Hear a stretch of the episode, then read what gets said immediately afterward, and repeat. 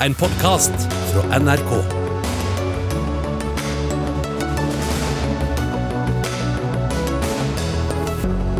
Omfattende feil, sterkt kritikkverdig.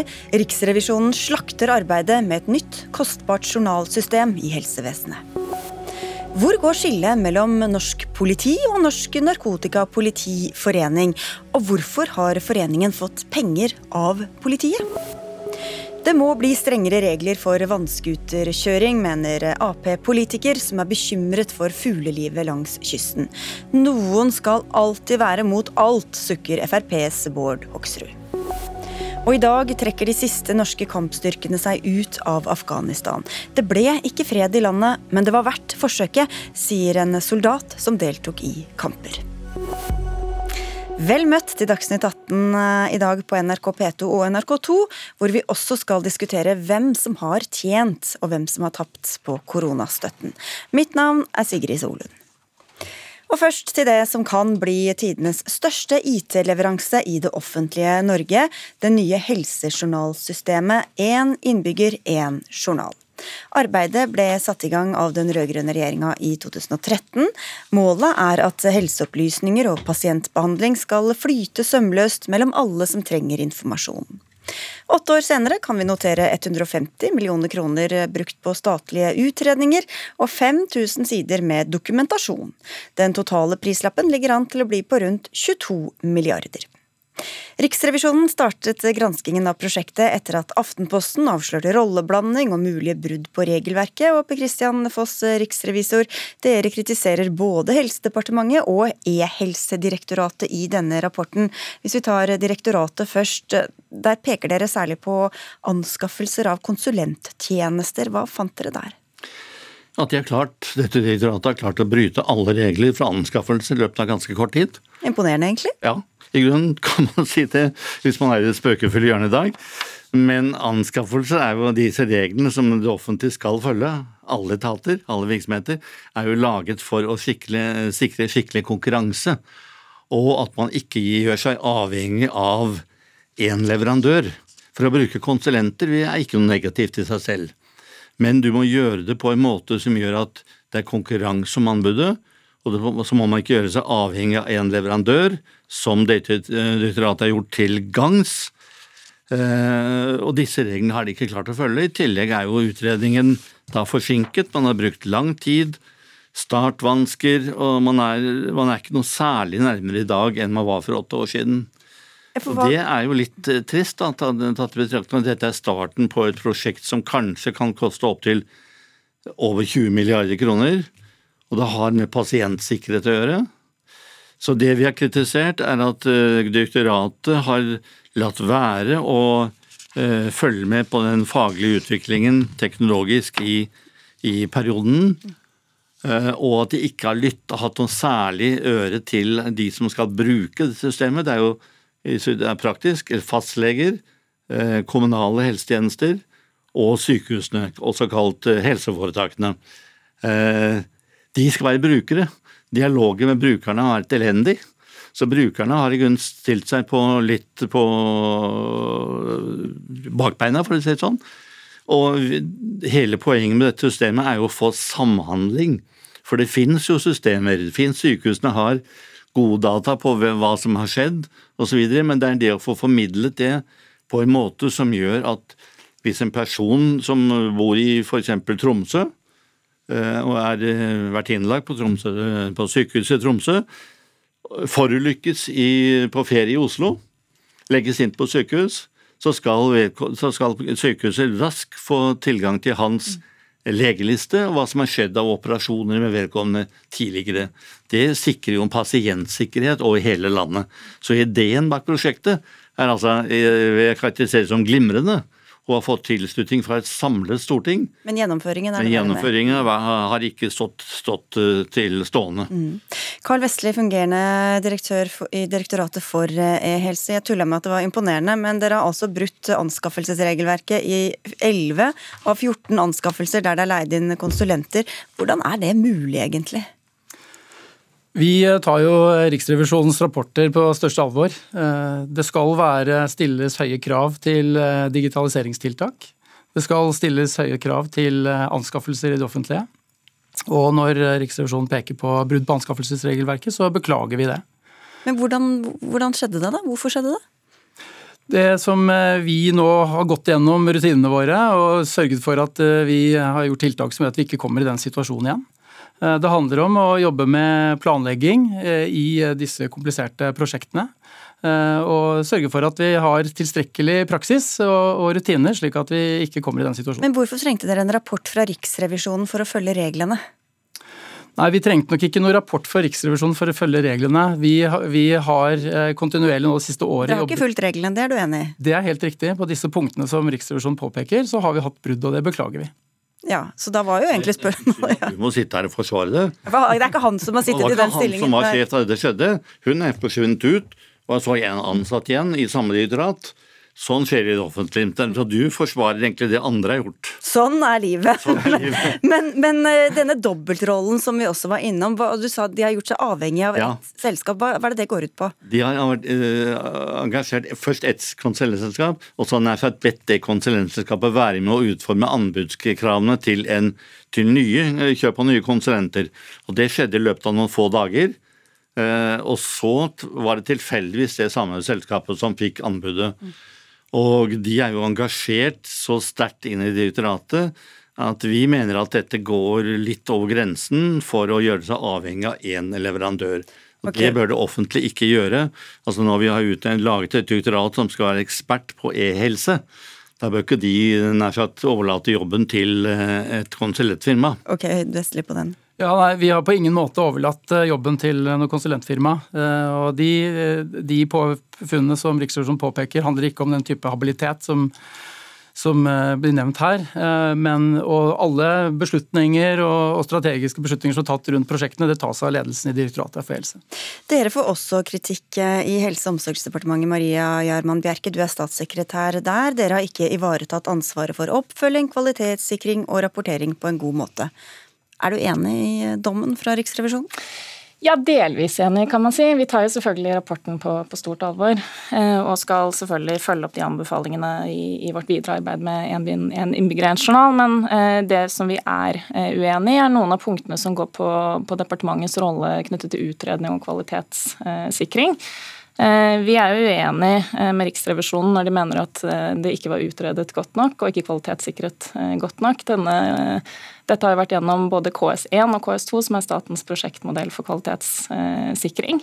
Konseptvalget har også vært kvalitetssikret to ganger, og vi fikk anbefalt det samme konseptvalget begge gangene. Du startet prosjektet før du laget en KVU, og det er i strid med reglene For Reglene sier at først en kvalitets... Nei, først en KVU-rapport. KVU, hva er det for noe? Det er eh, hvis jeg gjetter. Ja, det er for å, la oss si Konseptvalgutredning.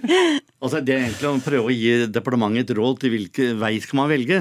Og Det er ganske viktig før man starter et prosjekt, og man vet hvilken vei man går. Det glemte departementet, for å si sånn. da. Eller man droppet det iallfall, prøvde å gjøre en shortcut. Og så etter halvannet år så gikk han tilbake til direktoratet og sa at kanskje vi skal lage en konseptvalgutredning likevel. Okay. Det forsinket i seg selv eh, prosjektets gjennomføring med over et år og andre eh, innblandinger dere har gjort i prosjektet, har forsinket ytterligere med et år. Jeg tenker det er klokt Så uten departementets styring vi vært kommet lenger nå, for å si det sånn. Men Det, har jo tatt veldig lang tid, hvis, hvis vi liksom, det blir mye forkortelser og mange datoer og sånn, men, men eh, overordna, da. Et så digert og dyrt prosjekt, hvorfor er ikke det blitt fulgt tettere opp?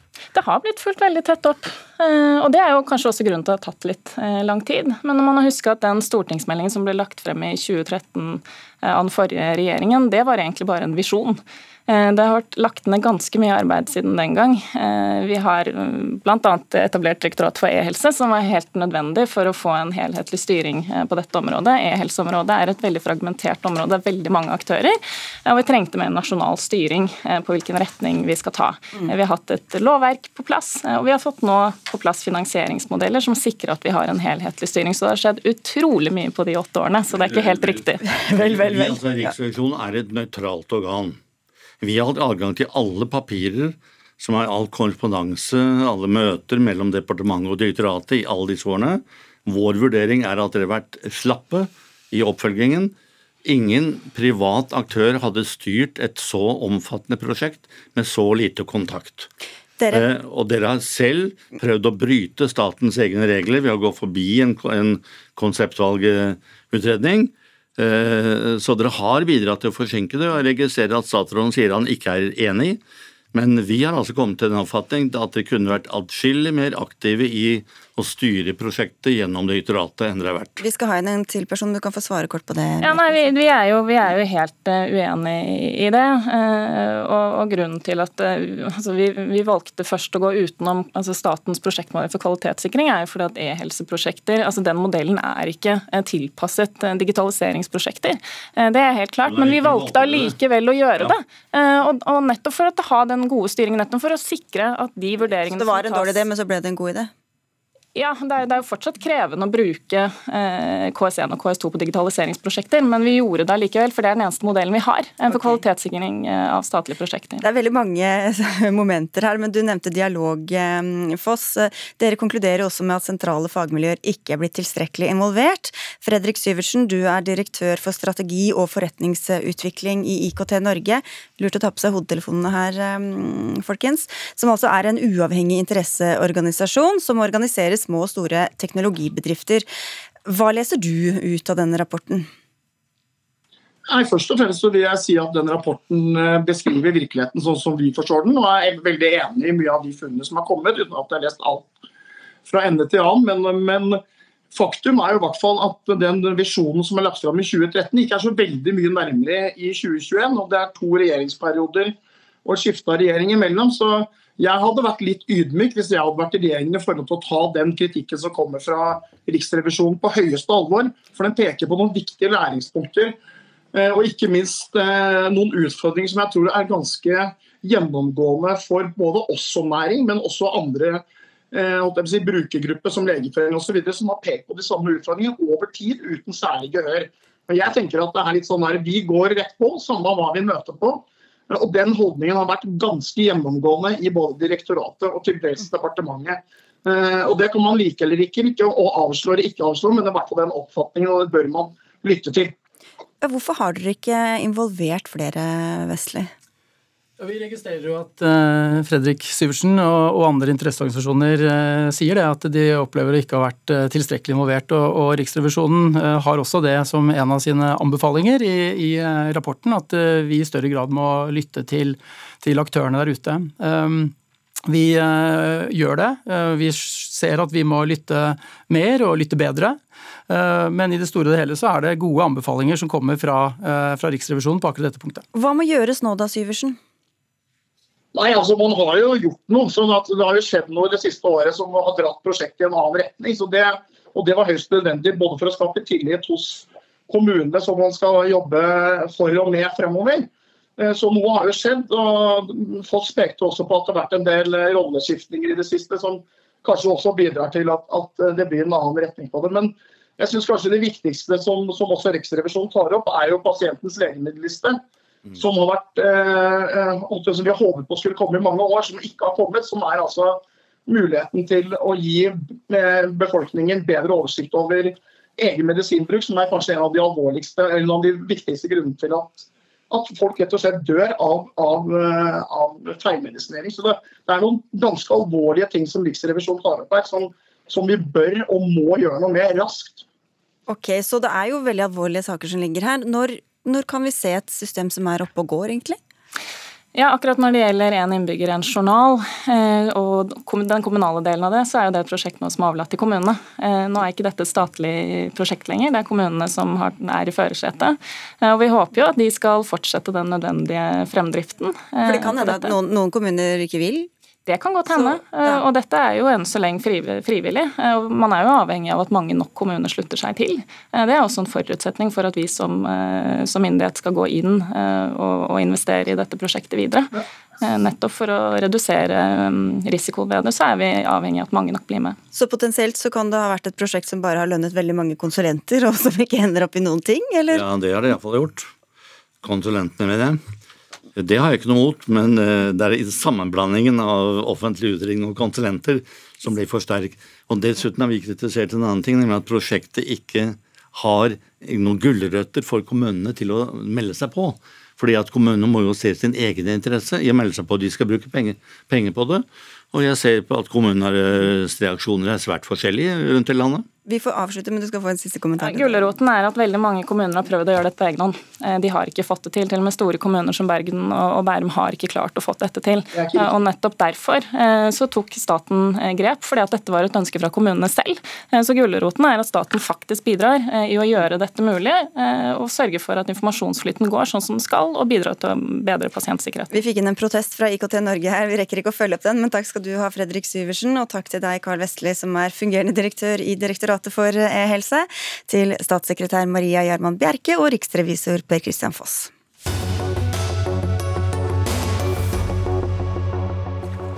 Hva er egentlig forholdet mellom norsk politi og Norsk Narkotikapolitiforening, og hvor går skillet mellom de to? Gjennom nesten to tiår har foreningen mottatt til sammen tre millioner kroner fra, direkte fra politiets eget budsjett. Foreningen kaller seg en ideell organisasjon, og har ingen formell tilknytning til politiet, men over 80% av medlemmene er politifolk. De har bl.a. engasjert seg sterkt mot rusreformen, som skulle avkriminalisere mindre doser narkotika. Benedicte Bjørnland, direktør i Politidirektoratet. Denne foreninga er den eneste ruspolitiske organisasjonen som har fått penger av Politidirektoratet siden 2001. Hvorfor har dere gitt penger til dem fra eget budsjett? Vi har gitt støtte til Norsk Narkotikapolitiforening eh, og helt konkret til utdanningskonferansen deres. Eh, vi har vurdert at det har eh, vært en konferanse som har tilbudt eh, relevant opplæring til politiansatte. Så Det er årsaken til at støtten er gitt over mange år. Men nå har dere slutta med det. Hvorfor det? Ja, Støtten har opphørt fra årsskiftet 2018-2019. Og da hadde vi en gjennomgang med vår eh, økonomiavdeling i Politidirektoratet, som mente at eh, her kunne man stille spørsmål om dette var i henhold til regelverk å gi den type støtte, så da ble det avsluttet. Var det i henhold til regelverket, da? Da går vi gjennom og ser bakover i tid, men det har da altså ikke blitt gitt støtte til, ei heller til utdanningskonferansen i 2019, 2020 eller 2021. Men så til det litt større bildet her. Hvordan mener du at folk skal skjønne at Norsk Narkotikapolitiforening ikke representerer norsk narkotikapoliti? Altså, Norsk Narkotikapolitiforening er jo en ideell organisasjon. Og så er det jo svært viktig for oss som politietat at det er ryddighet i hva er det de opptrer som. Eh, og Der har vi vært eh, tydelige fra direktoratet, og jeg oppfatter også når jeg går inn på Norsk Narkotikapolitis nettsider, at de er svært tydelige i sine retningslinjer om at deres medlemmer ikke må hevde politimyndighet, ikke bære uniform. At det må være veldig tydelig hva de kommer som hvis de er ute og holder foredrag f.eks. For på en skole på sin fritid. Ja, Men hvor tydelig tror du det er for folk? Det har jo vært enkelte episoder som er referert til hvor det har eh, vært utydelig, hvor man har brukt eh, utdanningsmateriell, eh, utdatert sådan, oppfatter jeg, når man har vært ute på jobb som politi. Det er jo selvfølgelig ikke heldig. Nei, så det var den ene episoden du refererte til som var nå nylig. Så det å da vi, bruke materiell fra denne foreninga, det er ikke greit, sånn som jeg hører deg? Nei, det skal, være, det skal, ikke skje. Eh, det er først og fremst et ledelsesansvar. tenker jeg, At man utstyrer sine ansatte med oppdatert og riktig eh, utdanningsmateriell hvis våre ansatte skal holde foredrag. Men så var det jo eh, Dette er jo også kommet opp pga. rusreformdebatten som vi har hatt i år, der flere i politiet engasjerte seg bl.a. gjennom avisinnlegg. Var det da politiet eller var det foreningen som uttalte seg når medlemmer derfra skrev der? Ja, hvis de, har, eh, hvis de har uttalt seg som Norsk Narkotikapolitiforening, så er det jo i kraft av foreningen at de uttaler seg. Det jeg kan eh, si og bekrefte, det er at eh, vi har ikke fått hva skal jeg si, hjelp eller støtte når vi har avgitt uttalelser fra Norsk Narkotikapolitiforening. Så har ikke vi innhentet deres synspunkter. Politidirektoratet står for sitt eget syn. Eh, det legger jeg til grunn at også politidistriktene gjør når de har avgitt høringssvar til rusreformen.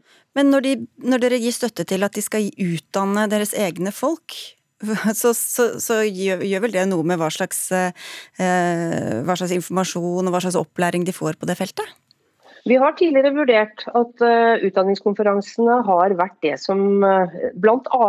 Uh, vært det som har gitt uh, verdifull kompetanseheving for våre ansatte. For de har lagt til rette for altså Det har vært uh, meget faglig godt funderte konferanser, har vi oppfattet. Nå er det sånn at Vi mener at dette må vi bl.a. også selv sørge for gjennom Politihøgskolen og gjennom særorganene våre. At vi Eh, avvikler konferanser som kan gi tilsvarende eh, kompetanseheving som det Norsk Narkotikapolitiforening tidligere har eh, tilbudt våre ansatte. Men hvor er det eventuelt politiet og foreningen skiller seg da, i synet på f.eks. på narkotikapolitikk? da? Jeg har ikke fullstendig oversikt over Norsk Narkotikapolitiforenings kriminalpolitiske eller ruspolitiske ståsted, annet enn at jeg har vel fått med meg det, at ikke de støtter en rusreform. Uh, utover det så oppfatter jeg at vi har klart skille mellom hva som er en frivillig forening og hva som er etaten for øvrig. Men hvor trygg føler du deg på at disse medlemmene ikke tar med seg holdningene fra foreninga inn i jobben som politi? Jeg tenker jo at eh, Det er jo organisasjonsfrihet i Norge, så man må jo kunne være medlem av en, en organisasjon som har et gitt syn på, på, en eller annen form for eh, politikk, og at det også eh, at, at, det så lenge det er faglig fundert, at det har man også med seg i jobben sin. Det som ikke er greit, er jo hvis det ikke er faglig fundert. Men det navnet, da, Norsk Narkotikapolitiforening, eh, burde det hete noe annet? Altså Det må foreningen selv få lov til å bestemme. Jeg kan ikke, jeg kan ikke bestemme over det. Altså Jeg registrerer at vi har Politiets kriminalitetsforebyggende forum, vi har Norsk politihundelag, vi har Norsk politihistorisk selskap, Politiets pensjonistforbund og Norges politiidrettsforbund. Altså, det er mange foreninger som har som har politi i seg, og som er eh, frivillige foreninger og hva skal jeg si, NGO-er, rett og slett. Vi har selvfølgelig invitert Norsk Narkotikapolitiforening. De ønsket ikke å være med i sendinga. Takk skal du ha, Benedicte Bjørnland. Du eh, syns ikke det er naturlig å diskutere med politikerne, som vi skal over til nå, av gode grunner. Men dette er jo et tema som også vekker stor interesse hos politikere, bl.a. deg, Ola Elvestuen, stortingsrepresentant fra Venstre. Og du er kritisk til disse pengeoverføringene overføringene fra politiet til, til denne foreninga. Hvorfor det? Ja, Det er definitivt greit at det har gått pengeoverføring fra politiet over da det som er en, en, en, organisasjon som skal være fristilt. Og jeg tror nok også, Så det er bra at de har slutta med det. Eh, og så er det også bra at man gjennomgår nå om det, det som har vært, har vært innafor regelverket. Eh, for det, er ikke, det er ikke, for det er ikke noe tvil om at Norsk Narkotikapolitiforening de har et helt eget standpunkt innenfor norsk narkotikapolitikk. De står for en, en streng eh, praksis, og det, er, og, det er, og det, er, det som er på en måte det som er deres formål. Eh, og Da må man også se mye nærmere på det som har vært, og det tror jeg mange som har opplevd, et samrøre mellom politiet og Norsk Narkotikapolitiforening. Ja, for Er det så tydelig hvor det ene begynner og hvor det andre slutter? Jeg tror ikke det har vært tydelig nok. Jeg tror vel at det er eksempler på at man har stilt opp i politiuniform når det har vært der for eh, foreningen. Jeg reagerer også på at man har henta inn da og støtta opp under da, eh, hva skal vi si, faglige konferanser med Norsk Narkotikapolitiforening når vi vet hva deres grunnsyn er. Og du har jo sterke fagmiljøer som er helt uenig i det de mener, som mener at uh, straff skader, at nå trenger vi å, tenke nytt også i narkotikapolitikken og gjennomføre en uh, rusreform. Så politiet må jo sørge for at de har en bredde i den informasjonen som de skaffer seg, og ikke basere seg bare på denne uh, foreningen, som har et helt klart synspunkt og et politisk politisk synspunkt, og jobber også aktivt opp for å påvirke både storting og partier. Per-Willy Amundsen, stortingsrepresentant for eh, Frp. Hvordan ser du på forholdet mellom denne narkotikapolitiforeninga og politiet? Jeg opplever at denne diskusjonen på mange måter bare er et eh, storm i et vannglass. Og jeg syns egentlig at Venstre avslører seg litt eh, i det som Elvestuen faktisk sier. Fordi at Problemet er jo tilsynelatende ikke at eh, foreninga får penger av skattebetalernes eh, penger, eh, men derimot at de har et synspunkt som Venstre ikke liker, og som Venstre ikke forfekter. Jeg mener at det er all grunn til å lytte på denne foreninga, rett og slett fordi at de har erfaringer nært den mørke siden i det norske samfunnet, og var en viktig, viktig innspill i den diskusjonen vi hadde. Men jeg tror dette egentlig handler om at eh, Venstre tapte sitt store gjennomslag i regjering, som handla om eh, å legalisere eller avkriminalisere narkotika. Den tapte de takket være Frp. Heldigvis så stoppa vi den reformen.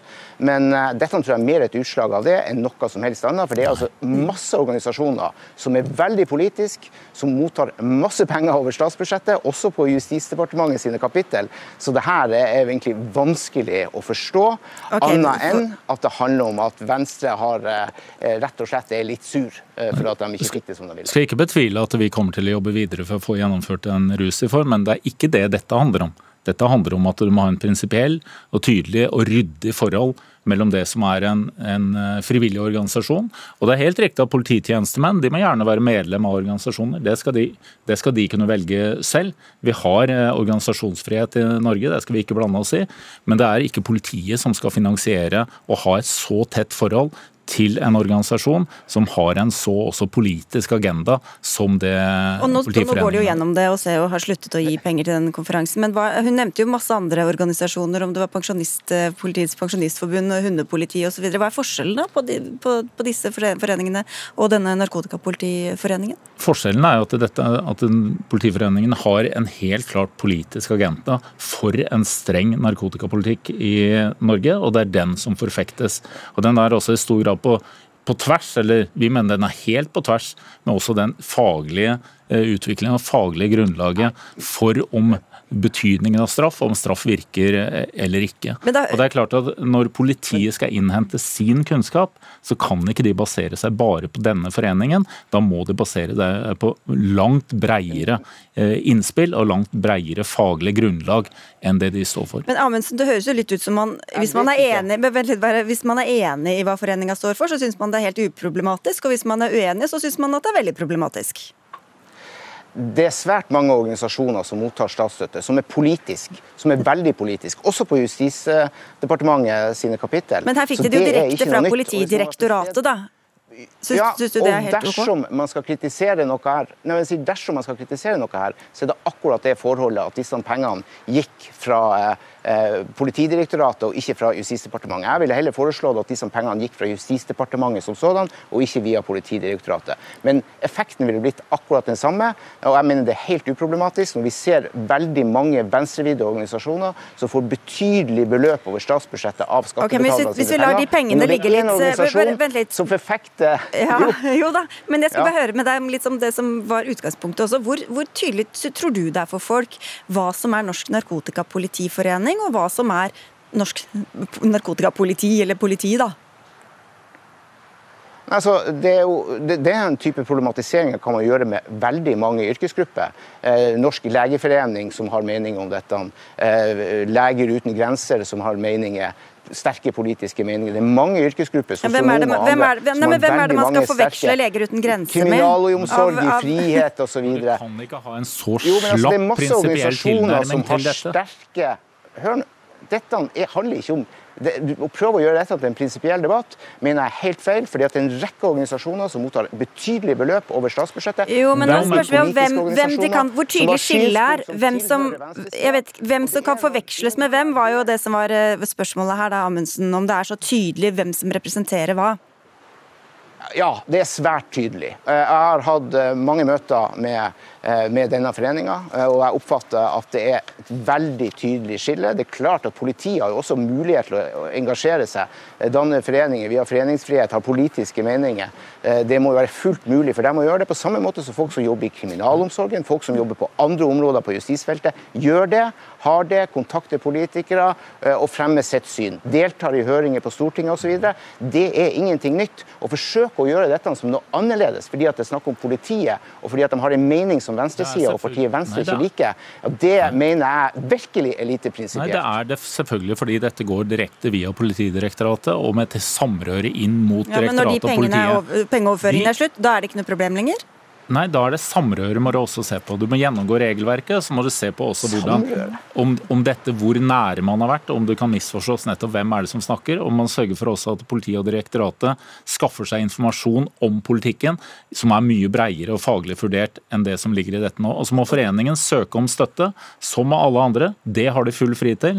Og du kan også organisere deg som du vil, det skal vi ikke blande i, men det må være mye ryddigere enn det det har vært, og det det er. Takk skal dere ha begge to. Ola Elvestuen fra Venstre og Per-Willy Amundsen fra Frp. Og takk til Benedicte Bjørnland, som altså er politidirektør.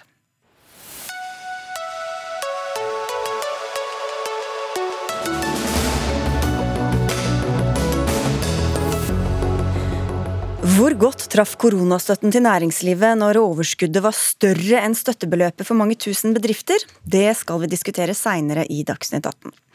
I dag drar den siste norske kampstyrken fra Afghanistan. Etter nærmere 20 års tilstedeværelse er det bare et feltsykehus med personell som står igjen. Norske styrker har deltatt i en rekke oppdrag i Afghanistan etter terrorangrepene mot USA i 2001. NRKs reporter Eirik Veum, du er i Kabul. Har de norske soldatene kommet seg av gårde ennå? Ja, Det er eh, ennå ikke helt eh, bekreftet. Da jeg snakket med dem eh, tidligere i dag, så var det noen forsinkelser. De sto fast på, på flyplassen. Slike militære transportfly de, de har et litt sånt annet forhold til, til ja, takeoff-tider og sånn. så så De kommer seg nok av gårde, men det er litt uvisst helt når. Men planen er at flyet skal lande i Norge i morgen, og det står fortsatt fast, så vidt jeg har fått uh, avklart. I alle fall. Og så har du tilbrakt eh, disse siste dagene med soldatene som nå skal reise hjem. Hvordan har dagene vært for dem?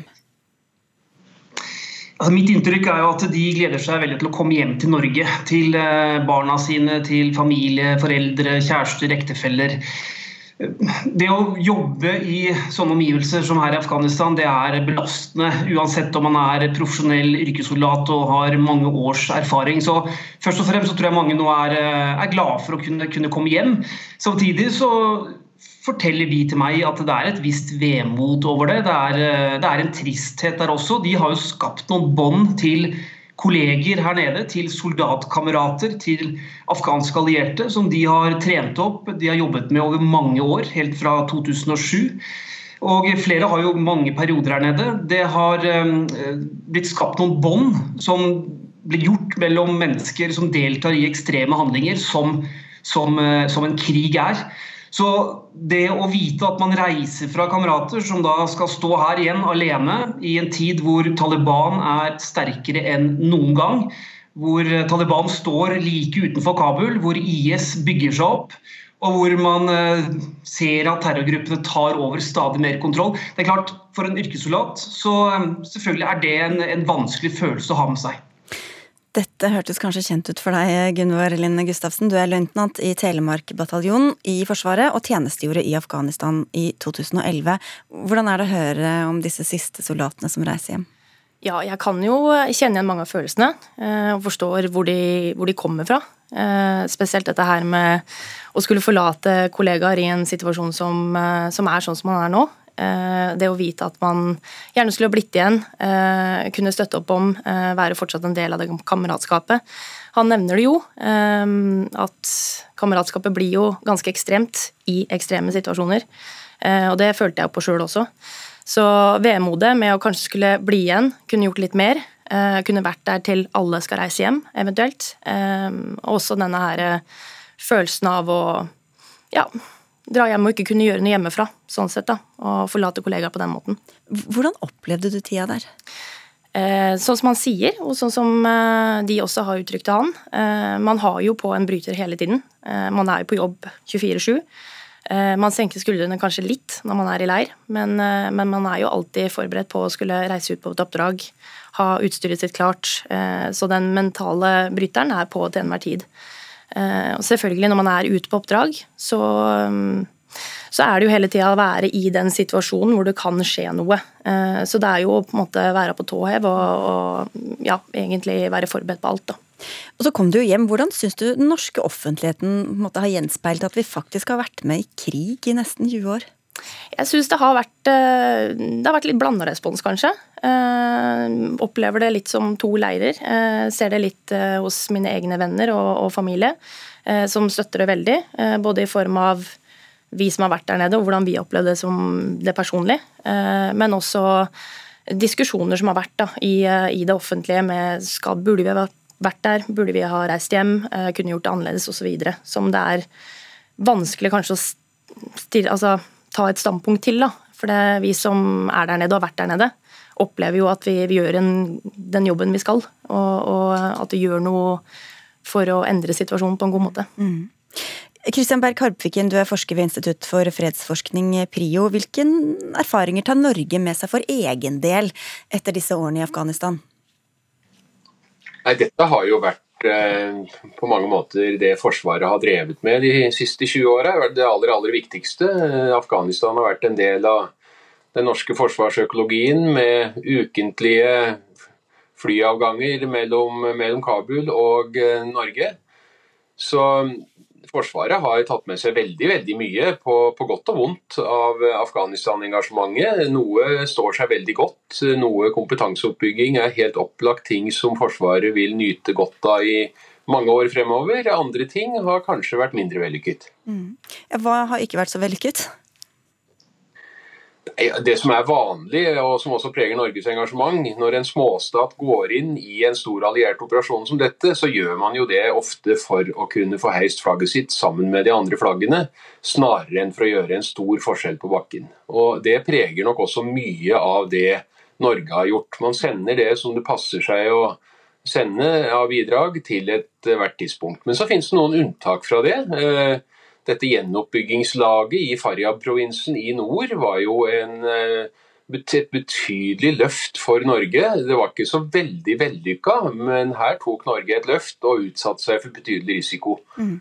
Andre virkelig store unntaket, som kanskje også har vært det mest vellykkede i norsk eh, Eh, engasjement i Afghanistan, det er de som reiser hjem i dag. Altså de norske spesialsoldatene som har trent opp eh, Kabuls antiterrorpoliti gjennom mesteparten av tiden fra 2007 til i dag. De har muliggjort politikk i Kabul, og de har på mange måter eh, sørget for sikkerheten til de det internasjonale samfunns representanter.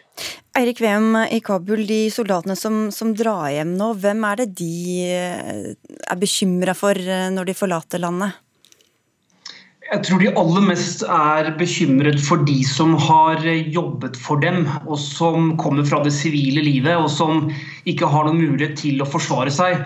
Når jeg var der nå, så sto det jo midt ute på plassen en, et, et, gammelt oljefat og brant i timevis, hvor papiret da ble, ble, ødelagt, destruert og brent opp. Som var opplysninger om, om tolker, informanter, etterretningskilder.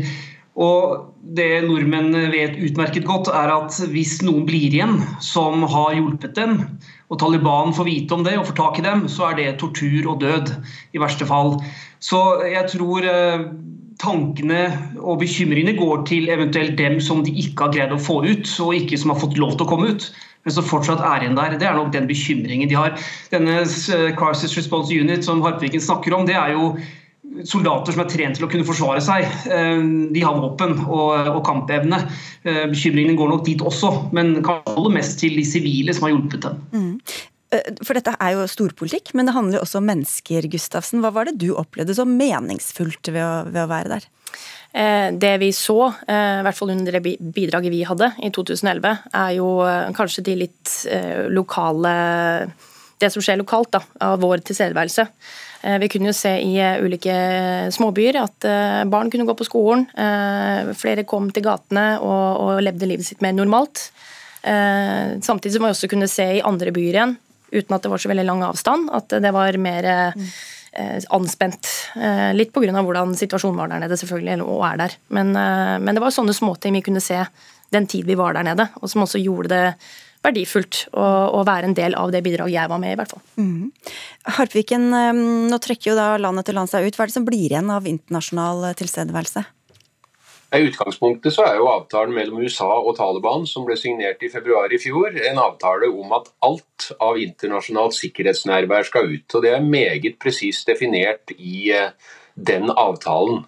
Og så forsøker USA nå etter beste evne å, å beholde et annet nærvær. Det er snakk om å beholde et såkalt eh, antiterrornærvær i regionen. Det har vært eh, mange forhandlinger om det. Ingen land som har meldt seg frivillig til å være vertskap for det enda. Det er snakk om å være vertskap for baser hvor afghanske nei, soldater kan trenes opp. Det har det også vært vanskelig å få noe Eh, stor entusiasme for. Og så er det snakk om det kan være igjen en liten militær kontingent som kan stå for sikkerheten til eh, den amerikanske ambassaden. Og Amerikanerne har også tilbudt seg å huse andre lands ambassader. Og en liten kontingent på flyplassen som gjør at det faktisk finnes en flyplass som fungerer. Men dette er Taliban skeptisk til, så ikke noe av dette er på plass enda, og det begynner nok å bli en ganske desperat situasjon for å få noe av dette på plass. For uten noe av dette så kan det også spøke for det internasjonale samfunnets nærvær fremover. Til slutt her, Gustavsen, Det er rundt 9000 norske soldater som har tjenestegjort i, eh, eller deltatt i Afghanistan. Ti har mista livet. Etterlater seg et land fullt av uro og konflikt. Vil du si det var verdt det? Jeg tenker at det alltid er verdt å gjøre et forsøk. Så ja, det var verdt forsøket. Det er det. Og det er litt det vi har i hverdagen også. Det er bedre å gjøre noe enn ingenting. Så vi prøvde. Og så gikk det sånn? Det gikk sånn som det gikk, men, eh, men, man får jo ikke noe til å skje uten at man faktisk forsøker i første omgang. Så, så, sånn sett, så ja. Takk skal du ha for at du var med i Dagsnytt 18, og takk til Christian Berg Harpviken og vår egen Eirik Wiem.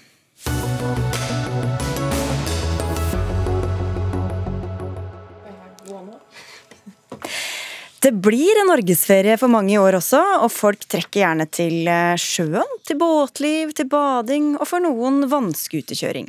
Det skjer samtidig som fuglene hekker og kysten er full av små fugleunger. Og deres ve og vel er du bekymra for, Katrine Palm Spange. Du er stortingskandidat for Arbeiderpartiet og veldig opptatt av nettopp fugler. Og du holder til på Nøtterøy i Færder kommune i det som før het Vestfold. Hva er det du ser der som gjør deg bekymra for fuglelivet langs kysten? Eh, først og fremst eh, hei. Det som er utfordringen med akkurat vannskutere, det er jo det at de har et helt annet kjøremønster enn det vi er vant til ved fjorden. Når alle tantene er ute med alle barna, og nå sier jeg helt bevisst tantene, for gutta har jo stikket av, så de er kanskje ute og kjører vannskuter, hva vet vel jeg. men når de er ute i store flokker med de små fugleungene, så er de ikke flyvedyktige, og de klarer ikke å forholde seg til den vannskuterkjøringen som er typisk for de aller fleste. Krappe svinger, brå bevegelser, de liker å hoppe på hverandres bølger. Og så er det også det at vi har litt utdaterte regler rundt eh, eh Statsforvalteren er jo, og Miljøverndepartementet sier jo at vi skal ta hensyn til fugler i hekketida. Så vi har noen fredede skjær. Det betyr at det ikke er lov å gå i land. Det er jo regler fra langt tilbake. Eh, det å kjøre rundt og rundt det samme skjæret i fire-fem timer, eller to timer, det har samme forferdelige påvirkningen. For da letter jo fuglene fra reiret i stresset, og så går det 15-20-30 minutter, og så er det årskullet borte. Så det, er, så det er en annen type kjøring rundt vannskuterne som jeg har lyst til at vi skal snakke om. Mm. Ikke sant. Ja. du ivra for denne lovendringa, og fikk den, eh, var med på å få den gjennom, i hvert fall, da du satt i Samferdselsdepartementet som statssekretær, Bård Hoksrud. Nå er du stortingsrepresentant for Frp. Hvor bekymra er du for hva dette, denne oppmykningen har gjort med fuglelivet langs kysten? Nei, Jeg er nok ikke like bekymra som motdebattanten min, men det er jo ikke tvil om at dette er en sak som skaper engasjement. og Motdebattanten min hadde vel på Twitter i mars en, eh, en eh, twittermelding hvor hun sa at jeg heller til springskalle når Bård Hoksrud og jeg er vaksinert og det er lov å ta på folk igjen. Så, så dette er jo en motkandidat. Og, og når man så på reaksjonene der også, så er det jo ikke tvil om at her er det mange krefter som eh, som har et engasjement, og sørge for at den ytringsfriheten og den debatten rundt dette her blir veldig smal, og at man ikke får den ordentlige debatten. Jeg er veldig opptatt av faulene, eh, og at de skal ha det bra, og at man skal ta hensyn til det. Det skal man på sjøen. Enten man kjører vannskuter eller man kjører med båt. Eh, alle har et ansvar for, for akkurat det, men, men, jeg mener jo at den motdebattanten min her har en del andre underliggende argumenter rundt eh, den saken her. Jeg har drevet og løpt rundt på Jomfruland, jeg har vært rundt i skauen og sett på fugler, så jeg har vært en fuglevenn eh, hele livet mitt. Eh, eh, ikke så mye de, etter at jeg ble voksen, men, men, jeg er opptatt av at faulene skal ha det bra men, langs sjøen vår. Ja, hva gjorde dere da, etter at dere åpna opp for vannskutere, for å sørge for eller finne ut om fuglene hadde det bra, eller om det fikk store konsekvenser for fuglelivet? Nei, men Det vi åpna for, er altså en vannskuter er det samme i utgangspunktet i stor grad som en båt. og I forhold til støy og den problematikken der. Og så er det jo selvfølgelig de som sitter oppå. Men om du kjører en eh, tifots eh, jolle med en 15 hester eller kanskje enda mer, så er det også noe man bruker ofte til å ha det morsomt og gøy. En del bruker vannskuter til å ha det morsomt og gøy, men en del bruker også å transportere seg med. Mm, men, det jo, men, det er jo, sjelden noe som eh, engasjerer mer. Og jeg har jo nesten blitt løpt, eh, løpt på av noen, så det er godt at bilen har vært mellom meg og den personen som har holdt på å gå okay, til angrep. Men, men, okay, men, bare for å få svar, svar, på mitt eget spørsmål, så var det ja. dere har ikke sjekka om det har hatt store konsekvenser for fuglelivet? Nå har jo ikke jeg sittet i, i Samferdselsdepartementet etter at jeg gikk av som statssekretær, men Satt i regjering en stund etterpå, da. Jeg sitter i regjering lenge etterpå det, men jeg, jeg syns at dette går veldig bra. Jeg bor også langs eh, langs sjøen. Jeg bor i Bamble, der, og jeg har et hus hvor vi kan sitte og se på. og Folk koser seg på sjøen med både vannskuter og vanlige båter, og, eh, og, det er omtrent den samme støynivået. Og, okay, og en... folk, men folk må oppføre seg, det er det det handler om. Ja, gjør, oppføre seg, men, de aller fleste faktisk gjør det, programleder. Så okay. er det noen som ikke gjør det, men de kjører båt, og de kjører vannskuter, ja, og de kjører med andre, vi, andre vi, vi, vi, følger opp den eh. Er det så stor forskjell da, på, på vettet hos dem som kjører båt og dem som kjører vannskuter? Nå er jo Hoksrud hakket kvassere på å skravle enn meg, så jeg håper jeg har litt tid igjen. Men, men, det som er Jeg har også en motorcrossbane i nærheten, og det er helt i orden. fordi at der, der, er det regelverk rundt. Altså ungdommen og de som liker å kjøre fort og mye og hoppe over, de, de har et sted å gjøre. Kanskje, kanskje er det løsningen da, Bård? At vi har et sted for, for, ja, jeg har heller ingenting imot eh, folk som tar en vannscooter fra kaia her nede og kjører ut et eller annet sted. Det er jo ikke det som er utfordringen vår. Det er de tolv som forrige lørdag kjører mellom ti og fem rundt og rundt og rundt og rundt fredag skjær, hvor, hvor eh, tantene, eh, ærfugltantene ikke får lufta ungene sine. Så, så, det jeg etterlyser er eh, Jeg er heller ikke sur kjerring fra Færder. Jeg innser også at vannskuteren er kommet for å bli, men hva kan vi gjøre da for at jeg som fuglekikker som liker stillheten, kajakkpadlerne som har lyst til å padle, som også, også har den samme oppfatningen, Eh, de som svømmer altså vi, vi, må lære oss å leve sammen. Så er det egentlig det jeg etterlyser. Det siste er jeg veldig enig med deg men, men, da må man ikke heller ha den holdningen som jeg opplever at en del motstandere av vannskutere og den, den, den eh, måten å angripe på er ganske aggressiv. Og det er altså sånn at det du sier er jo at det handler om hvordan man Eh, man sørger for, og det, og det, å ta hensyn til de områdene som er verna og ikke man skal kjøre til, så gjelder det både båt og vannskuter. Det må man slå ned på. Det er jeg helt enig i. og det, Der er jo lovverket og regelverket. da. Det handler om faktisk å, å håndheve og mulighet til det. Nå fikk Fremskrittspartiet gjennomslag for at vi skulle bruke penger på noen flere eh, politibåter, og det er jo viktig i, i så måte for å mm. ta de som ikke gjør det de skal.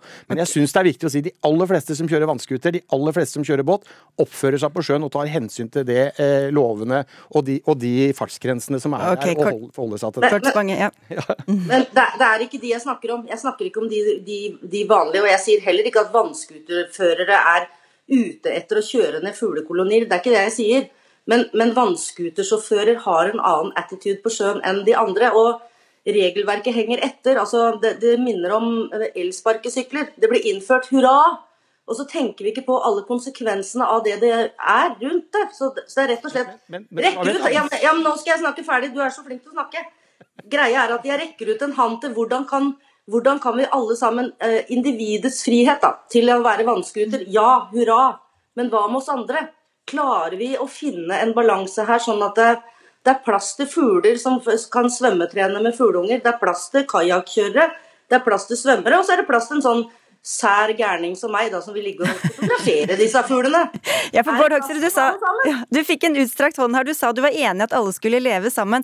Men så er det vel litt sånn at det er ikke så mange vannskuterkjørere som blir plaga av en fuglekikker, men, men, motsatt så kan det kanskje være litt mer plagsomt? Jo, jeg, men det er der jeg mener at det er viktig. Og så er forskjellen på Arbeiderpartiet og Fremskrittspartiet er at Arbeiderpartiet vi er opptatt av at man får faktisk noen friheter, og det følger med noe ansvar. Arbeiderpartiet er mer opptatt av når man skal gjøre noe, så skal man regulere og gjøre alt alt mulig eh, og tro at man skal klare å ta hensyn til alt, men det klarer man ikke.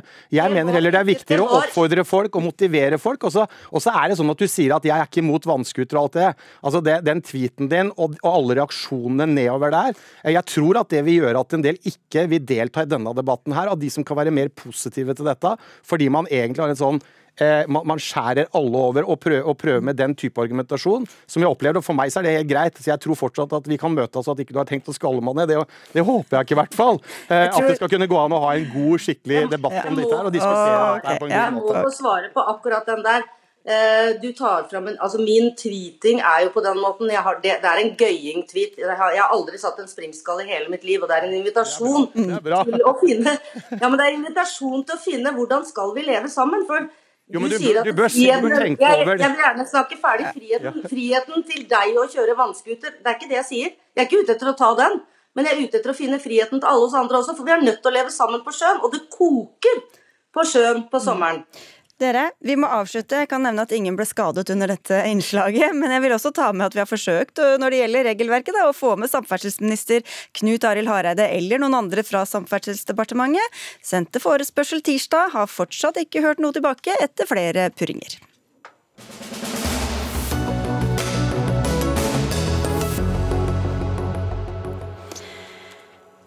Over 5000 selskaper som fikk koronastøtte fra staten i fjor, kunne betalt tilbake pengene uten å gå i underskudd. Overskuddet var altså større enn det de mottok i støtte. Det skrev E24 tidligere denne uka. Til sammen fikk disse bedriftene 495 millioner kroner av den norske stat. Og stortingsrepresentant for SV Kari Elisabeth Kaski, hva mener du disse tallene viser?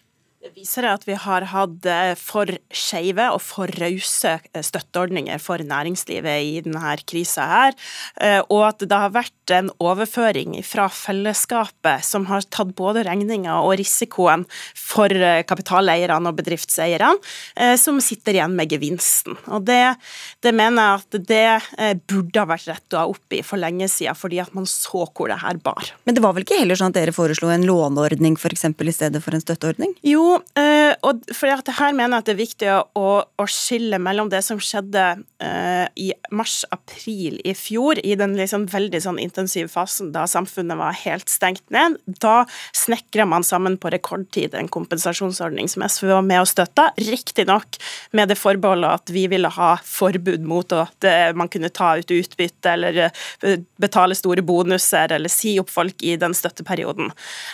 Den varte fram til sommeren. Så eh, kom det jo da klare anbefalinger bl.a. fra Holden-utvalget om at man burde gjøre vesentlige endringer på denne ordninga. Og siden da så har SV eh, foreslått egentlig både låneordning, en større målretting mot små og mellomstore bedrifter, senke taket på den kompensasjonsordninga og en rekke andre endringer, eh, og, og vært veldig overraska over at regjeringa ikke har vært villig til å justere en ordning som helt åpenbart var for hastig laga til å bli en permanent ordning. Næringsminister Iselin Nybø, nesten 500 millioner kroner som det viste seg at det kanskje ikke var behov for, som kunne vært tilbakebetalt. Hvorfor la dere ikke andre betingelser inn i denne støtten? Nå har jo eh, disse ordningene òg blitt endra ganske mye underveis. Men de som har fått støtte, det er de som har hatt et omsetningsfall på 30% eller mer. Eh, og da får de hjelp til å dekke deler av de faste kostnadene de har. Så dette er altså fellesskapet og vi som pga. pandemien pålegger næringslivet ganske strenge restriksjoner. Eh, vi har òg stilt opp med, med gode støtteordninger.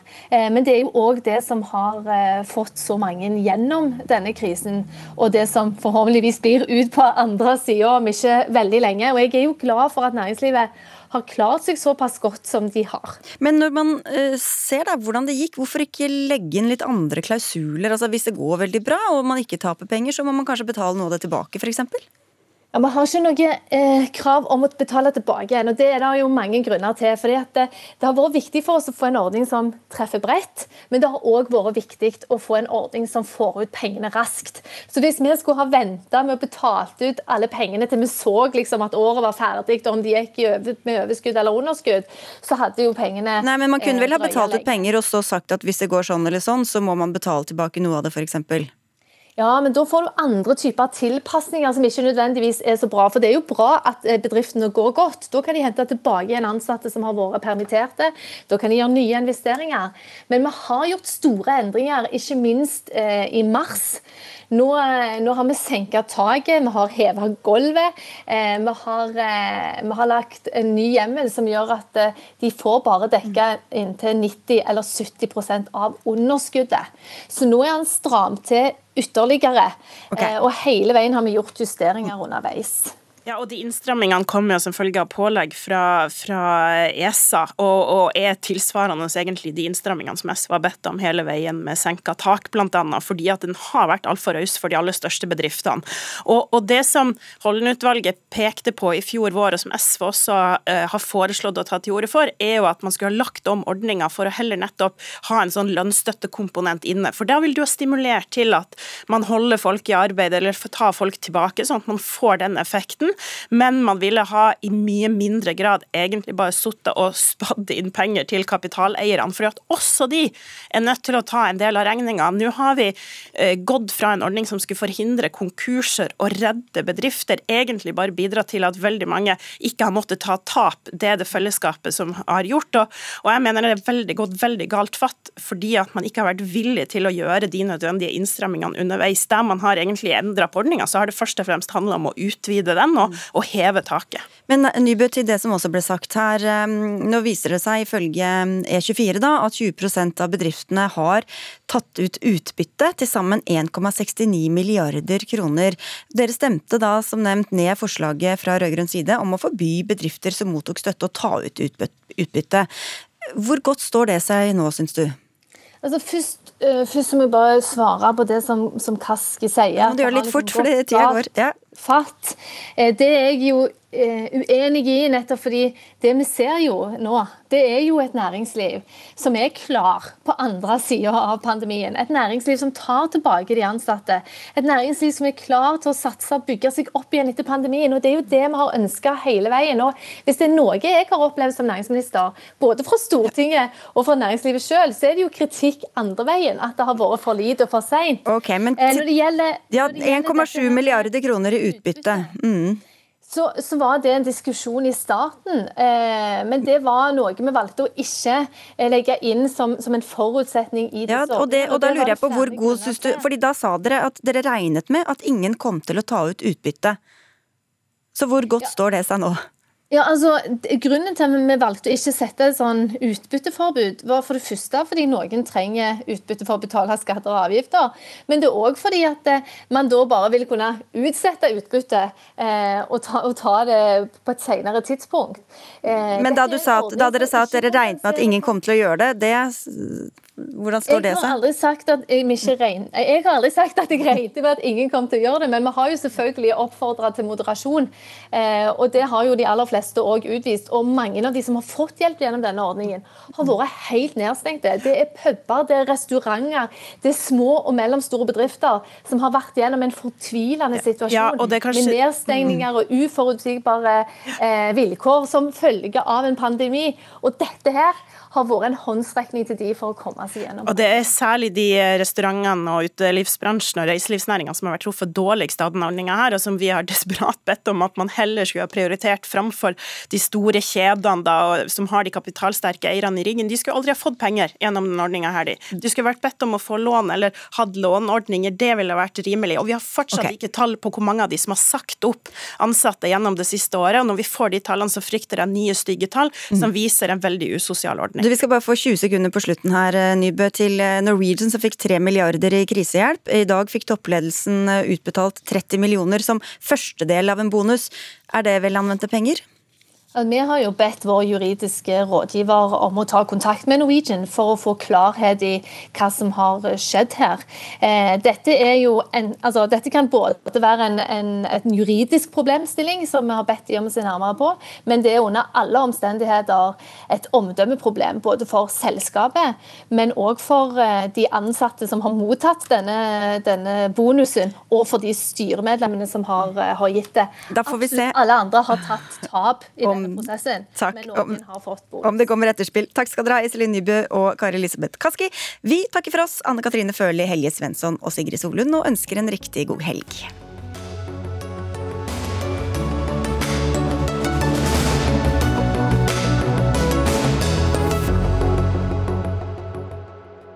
Du har hørt en podkast fra NRK.